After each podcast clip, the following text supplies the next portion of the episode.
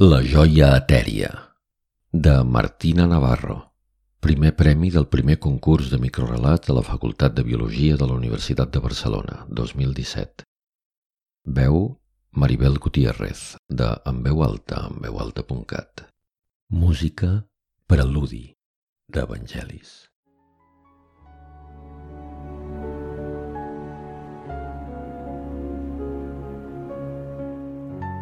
Li agradava tancar els ulls, oblidar-se de les cabòries, preguntar-se qui era.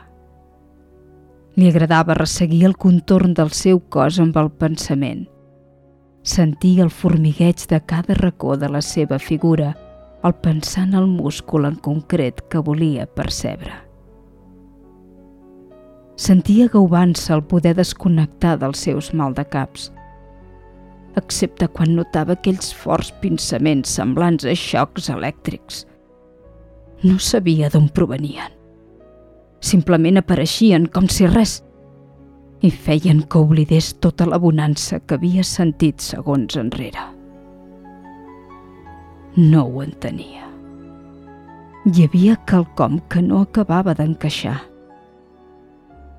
Cada cop n'estava més segura però quan estava a punt d'arribar aquell instant més àlgid de comprensió, tot es tornava fosc. Ella, malgrat ser la més estimada per molts, és l'única que no sap el que està passant. Tot i tenir una capacitat intel·lectual envejada, és l'única incapaç de saber la veritat. La hi amaguen i encara que ella sap que no li ho expliquen tot, és conscient que el que estan ocultant podria perjudicar-la. I aquest pensament la tortura. Cada cop que hi pensa, nota l'adrenalina i com el seu cor batega més i més fort. Però el seu cor és invisible. La joia no en té. Pot viure sense és l'any 2057. Els científics han sigut capaços de crear un cervell humà funcional sense necessitat d'un cos que el sostingui. Aquest cervell és la joia que ens ha salvat d'algunes de les malalties més devastadores, ajudant a comprendre el que li passa a l'òrgan irreemplaçable, el cervell. I, malauradament, la joia té consciència pròpia però mai ningú no ho sabrà.